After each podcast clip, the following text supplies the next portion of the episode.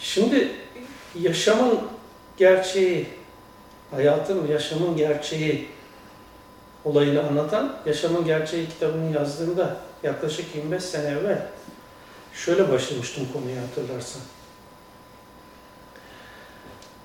Evrende 100 milyarlarla galaksi var. Bu galaksilerden 100 milyar galaksiden bir tanesi olan Samanyolu'nda var olmayı sen mi seçtin? 100 milyarda bir olan Samanyolu'nun içinde var olan 400 milyar yıldızdan, güneşten bir tanesi olan bizim güneş sisteminde var olmayı sen mi seçtin? Bizim güneş sisteminin uydularından dünya üzerinde var olmayı sen mi seçtin?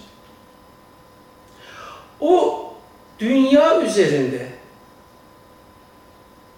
kıtalardan bir kıta olan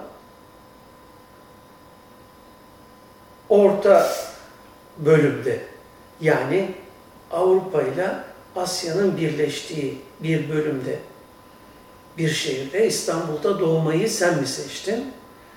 Efendime söyleyeyim İstanbul'da hangi aileden doğacağını sen mi seçtin? Ana babanı sen mi seçtin?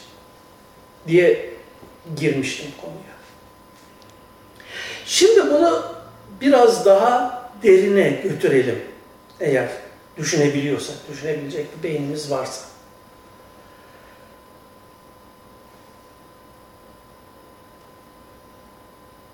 Annenin rahminde sperm babanın spermiyle annenin yumurtası birleşti ve tek bir hücre meydana Bu tek hücrede yaklaşık 3 milyar harf ihtiva eden bir genetik kod var. Genetik bilgi birikimi var. Bu bilgi birikiminde senin karaciğerinin nerede olacağı, böbreğinin nerede olacağı, kalbinde nerede olacağı, kalpte hangi nöronların olacağı, bağırsaklarında hangi ikinci beyin diye tanımlanan nöronların yer alacağı, beyninin nasıl oluşacağı, hepsinin bilgisi var ve o bilgi açılarak senin bugünkü bedenin meydana geliyor. Bugünkü bedenin meydana geliyor derken daha 29. günde ana rahminde 29. günde beyin oluşmaya başlıyor. Ve bu oluşan beyin Kur'an'da alak kelimesiyle anlatılıyor. Çünkü insanı alaktan yarattık diyor. İnsan diye bahsedilen şey acaba bu beden mi yoksa beden ötesi ölümsüz yaşamı olan sonsuza dek yaşayacak olan varlık mı? Burayı çok iyi düşünmek lazım. İşte insanın alaktan yaratılmış olması beynin 29. günde Kur'an'da alak ismiyle anlatılması demektir. Şimdi bunu böyle anlıyorsak eğer beynin oluşumunun da nasıl meydana geldiğini kısaca detaylara girmeden anlatmaya çalışayım. Çünkü detaylara girersem bu çok geniş bir konu ve çok geniş bir alan. Her bir anlattığım konunun detayları var.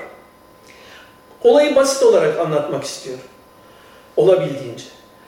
Şimdi beyin 29. günden itibaren oluşmaya başlarken o arada bedenin diğer bütün organlarından da beyne mesajlar gelmeye başlıyor ve beyin de o bilgiler yer alıyor. Beyindeki nöronlar o organlardan gelen frekanslara göre programlanarak beyinde insular korteks dediğimiz alanda yerleşim yapıyor. Şimdi beyin her an bu veri tabanında, bilgi tabanında yer almış bilgilere göre yeni gelen bilgileri değerlendirerek bir çıkış oluşturuyor, bir output meydana getiriyor ve bu çıkışta aynı anda feedback olarak tekrar beyne input olarak dönüyor. Şimdi bu mekanizmayı hiç hafızanızdan, hafızanızdan çıkarmayın çünkü burası işin en önemli püf noktası. Evet, 29. günde başlayarak bütün organların beyinde yer almasının sonucu beyinde ağırlıklı olarak oluşan bilgi kendisinin bu beden olduğu yolundaki kanaati meydana getiriyor. Veri tabanındaki bilgi olarak. Şimdi bu veri tabanına giren en önemli bir kavram da genetikten gele intikal etmiş olan ben kavramı. Esas orijin itibariyle beyin bir organizma, bir mekanizma, bir cihaz. Kendisine girmiş olan bilgiyi işliyor, üretiyor, yaratıyor. Ha şimdi hemen başlayacaklar. Haşa Allah yaratıyor. Yahu beynin varlığı zaten Allah'ın isimleriyle işaret edilen bir özelliğin açığa çıktığı mahal. Hatırlayın Kur'an'daki attığın zaman sen atmadın, atan Allah'tı. Şimdi orada atan Resulullah, Resulullah'ın beyni, Resulullah'ın kolu, Resulullah'ın eli. Ama orada ne diyor bir incelik noktası olarak? Atan Allah'tı diyor. Yani Allah ismiyle işaret edilen varlık ahad ve samet olması dolayısıyla öyle bir tekildir ki onun dışında içinde ayrı bir varlık yok. Dolayısıyla bütün varlık, duyduğun, işittiğin, algıladığın, öğrendiğin bütün varlık Allah diye isimlenen varlığın çeşitli isimleriyle işaret edilen özelliklerinin birleşik hali. Çeşitli bileşimler halindeki açığa çıkış. İşte bu sebeple Allah isimlerinin işaret ettiği bütün özellikler senin beyin diye isimlendirdiğin, ismi beyin olan yapıda mevcut ve buradan Allah'ın Halik isminin manası da çıkıyor. Fatır isminin manası da çıkıyor. Bedi isminin manası da çıkıyor. Ve diğer isimlerin manası da çıkıyor. Bu isimlerin manalarını ben e, Kur'an çözümünde ve Esma kitapçığında yazdım. İnternetten görülebilir, okunabilir.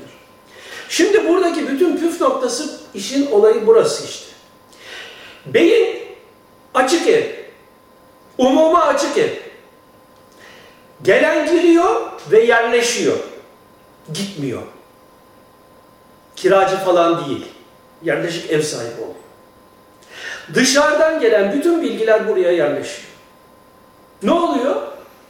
Senin beynin açık ev olarak dışarıdan ne duyarsa alıyor. Hatta bu ne zaman başlıyor? Ana karnındayken başlıyor. Ana karnında daha bebek beyni gelen bütün dışarıdan etkileri alıyor, kaydediyor.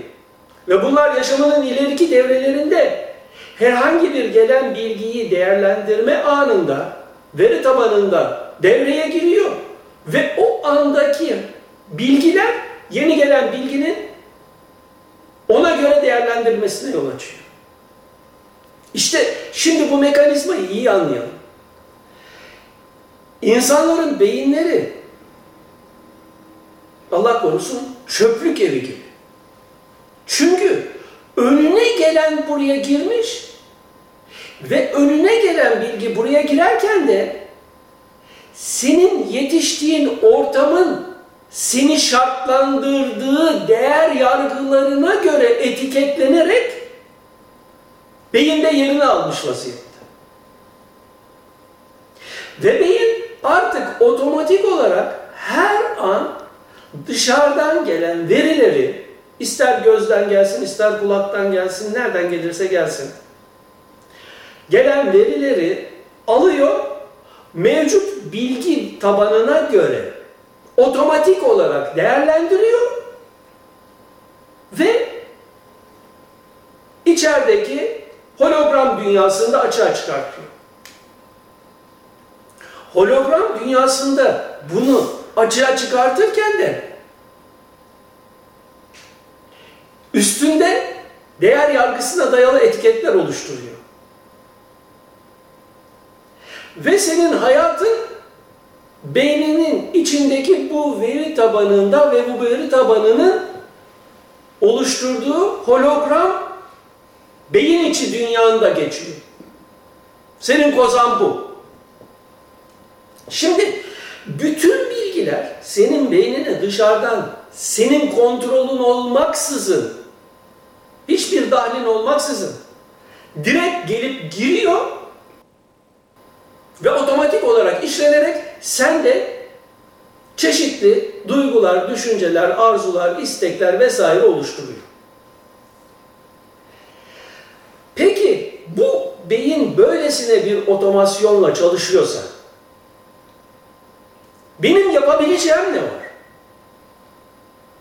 Heh, işte işin püf noktası burası. Eğer senin yapabileceğin bir şey olmasa zaten Resuller, Nebiler gelmez ve sana ne olduğunu, ne yapacağını hatırlatmak gereğini duymazdı ve böyle bir şey oluşmazdı. Şimdi buradaki önemli nokta şu.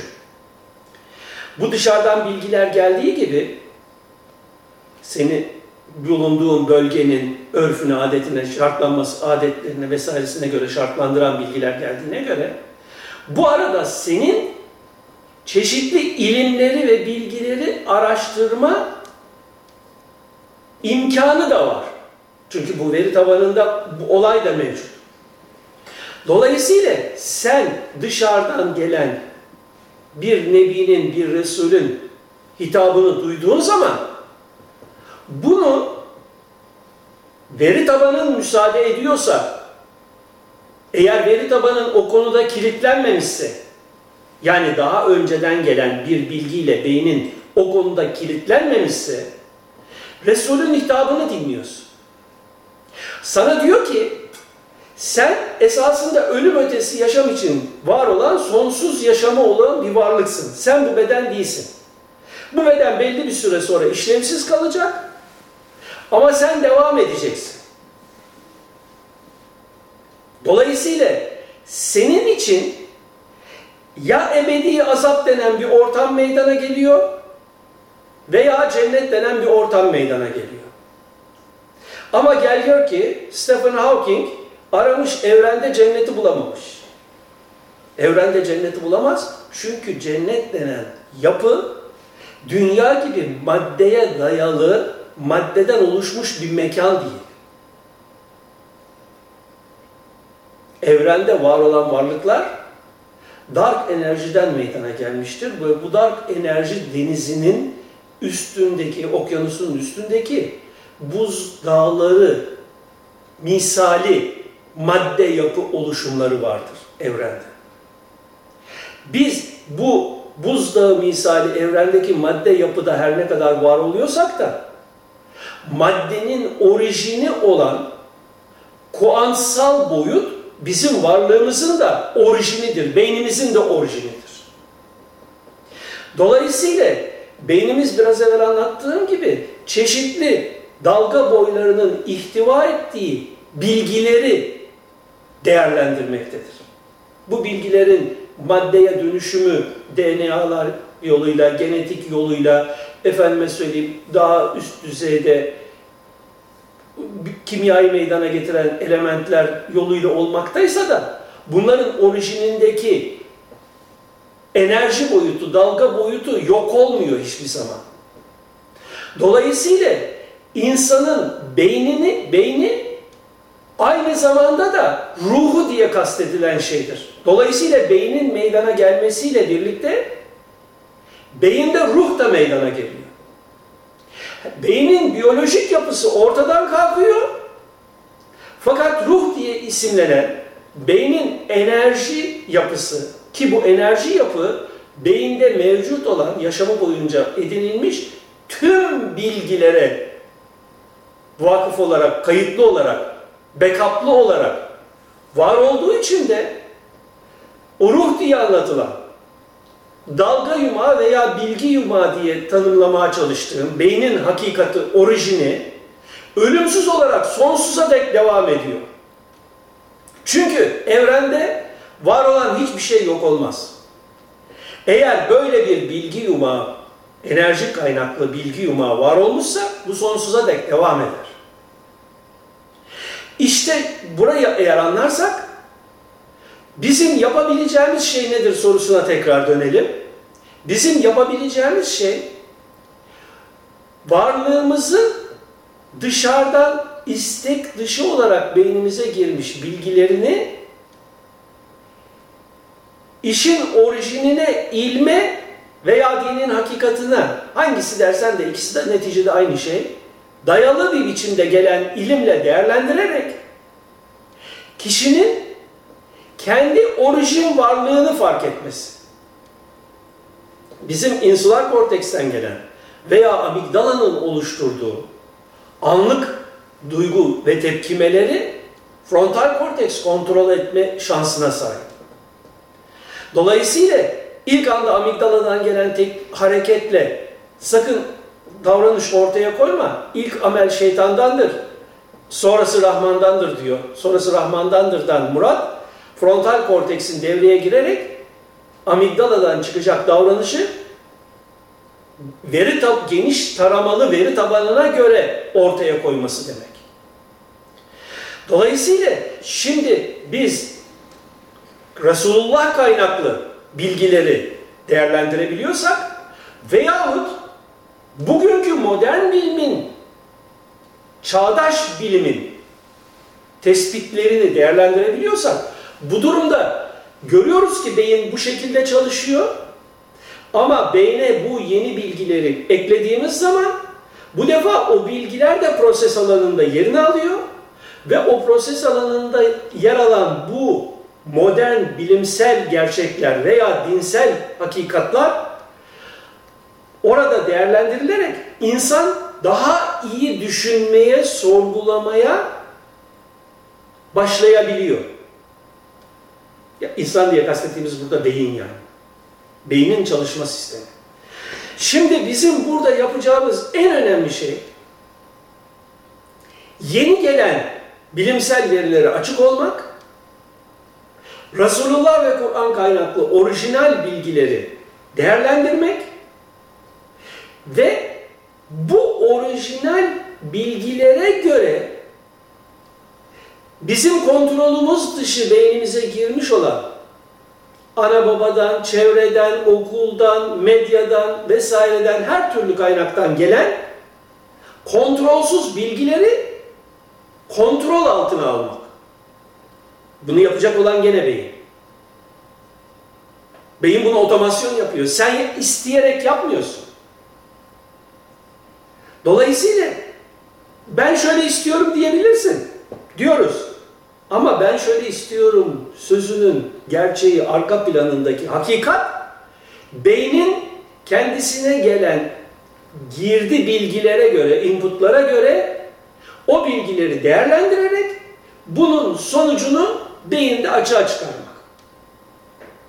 Herkes istisnasız sürekli bu şekilde yaşıyor.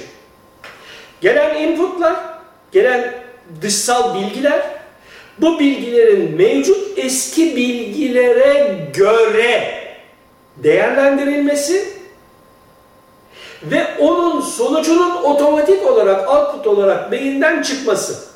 Beyinden bu çıkmak derken yani dışarıya çıkma anlamında değil. Beynin bu senteze göre bir karar vermesi, bir hüküm vermesi, bir anlam oluşturması bu oluşturduğu anlamlardan gerek gördüğünü farkındalık alanımızda açığa çıkartıyor.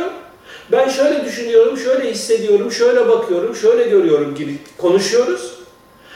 Gerek görmediğini de hiç açığa çıkartmıyor. Bedensel özelliklerde mesela kendi kendine gerekeni uyguluyor. İşte eğer bu olayı anlarsak beynin dünyasında yaşayan bilgi olduğumuzu fark ederiz. O bilginin adı insan. Mekanizma ismi beyin olan.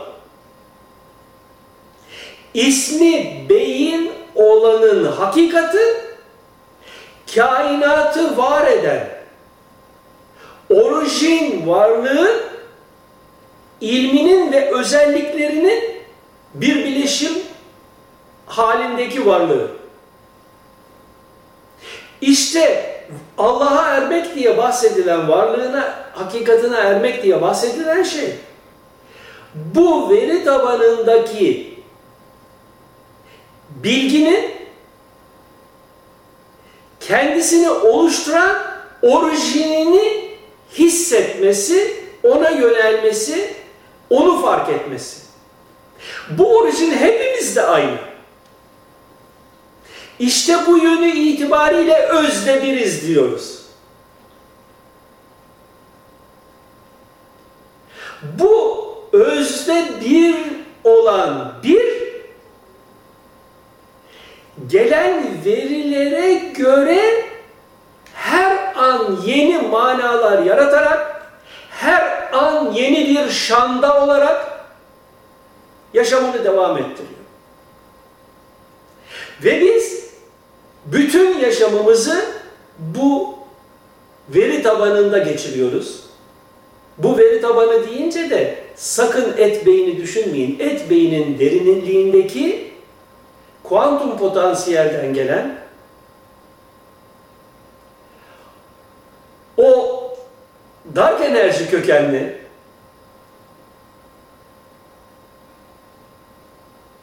dalga yumağı veya bilgi yumağı veya eskilerin deyişiyle ruh diye tanımladığımız yapı.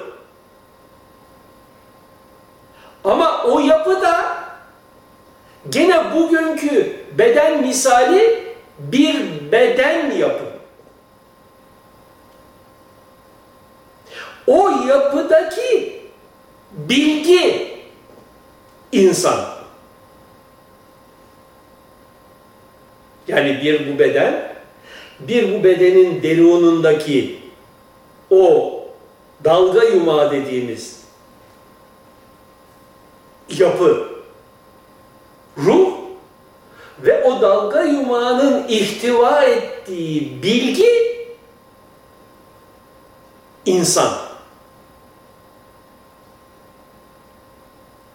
İşte bu olayda en önemli faktör beyne giren bilgilerin frontal korteks tarafından kontrol edilmesi dedik. Bu frontal korteks tarafından kontrol edilen akıl, muhakeme, mantık gibi kavramlarla anlatmaya çalıştığımız işlevler insan diye bahsettiğimiz varlığın farkındalığını meydana getirirken bir de beyinde epifiz veya pineal gland denen bir bölüm var. Bu bölümle ilgili çok enteresan bilgiler ve açıklamalar geliyor her gün. Mesela son bir gelen bilgilerde bir tanesi şu. Bir farenin epifizini çıkartıyorlar. Genç bir farenin epifizini çıkartıyorlar. Yaşlı bir fareye takıyorlar. Yaşlı farenin ömrü 34 ay daha uzuyor. Buna mukabil yaşlı bir farenin epifizini çıkartıp genç bir fareye takıyorlar. Normalden 18 ay daha kısalıyor genç farenin ömrü. Bunun gibi epifizin çok farklı işlevleri var. Melatonin, serotonin bunlar insan duygularında çok büyük etkiler meydana getiriyor. Bunları biliyoruz artık. Bunlar eski bilgiler. Ama epifizin bir başka özelliği var ki o özellik evrende mevcut olan, evrenin derununda mevcut olan, kuantum potansiyelden kaynaklanan teklik bilgisinin dalga boylarını epifizin değerlendirmesi konusu. Yani beyindeki genel yapı daha düşük frekanslı dalgaların ihtiva ettiği bilgileri çözerken epifiz evrensel boyuttaki evrensel boyutun derunundaki ilk oluşum aşamalarından gelen yüksek frekanslı orijin bilgi dalgalarını çözüp beyinde açığa çıkarabilme yetisine sahip. Bu da ilk defa duyacaksınız benim kanaatim. Kimseyi bağlamaz, kabul edersiniz veya etmezsiniz. Kalp nöronlarının işleviyle alakalı. Kalp nöronları eğer beynin oluşumu sürecinde ana rahminde 120. günde epifizdeki nöronları tetikleyip harekete geçirebilirse o kişinin epifizi bu yüksek frekanslı dalgaları çözüp beyne aktarabilme özelliğine sahip. Eğer böyle bir tetikleme o günde olmamışsa daha sonra epifizde böyle bir açılımın olması mümkün değil. İşte saitlik, şakilik diye Kur'an'da, e, e, hadiste anlatılan olay da bununla bağlantılı diye düşünüyorum. Benim keşfime göre bu böyle. Şimdi kalbin çok önemli olması işte bu yönü itibariyle. Yoksa kalp nakli yapıyorsunuz, bir adamın kalbini alıp öbür adama takıyorsunuz. Hiçbir şey değişmiyor. Bazı karakteristik özellikler değişiyor falan. O kadar önemli değil o. Ama beyin naklini yapamazsınız. Çünkü olayın püf noktası beyin. Ve her beyin kendine özgü bir şekilde var oluyor. Kendine özgü bir yaşam yaşıyor. Ve kendine özgü bir yaşam biçimiyle sonsuza dek devam ediyor. Dolayısıyla de yani o eski masallardaki Yukarıda insan ruhları var. Tanrı'nın yarattığı hani Sirus'ta veya bilmem nerede oturan bir Tanrı'nın yarattığı ruhlar var. Orada o ruhlar buradaki geliyor, bedenin içine giriyor. Bu bedenden çıkıyor. Bir yerlerde oyalanıyor, vakit geçiriyor. Sonra tekrar geliyor, bu beyine giriyor falan diye anlatılan reenkarnasyon masalı artık tümüyle göçtü. O eski hikaye. Yok böyle bir şey. Beyni bilmeyen, anlamayan, beynin hakikatini, orijinini, çalışma sistemini anlamamış toplumların başka sebeplerden dolayı oraya girmek istemiyorum. Başka sebeplerden dolayı insan beyninde açığa çıkan geçmişe dair bilgileri yorumlamak için koydukları bir hikaye. Şimdi olayın burasını anladıysak gerisine devam edelim.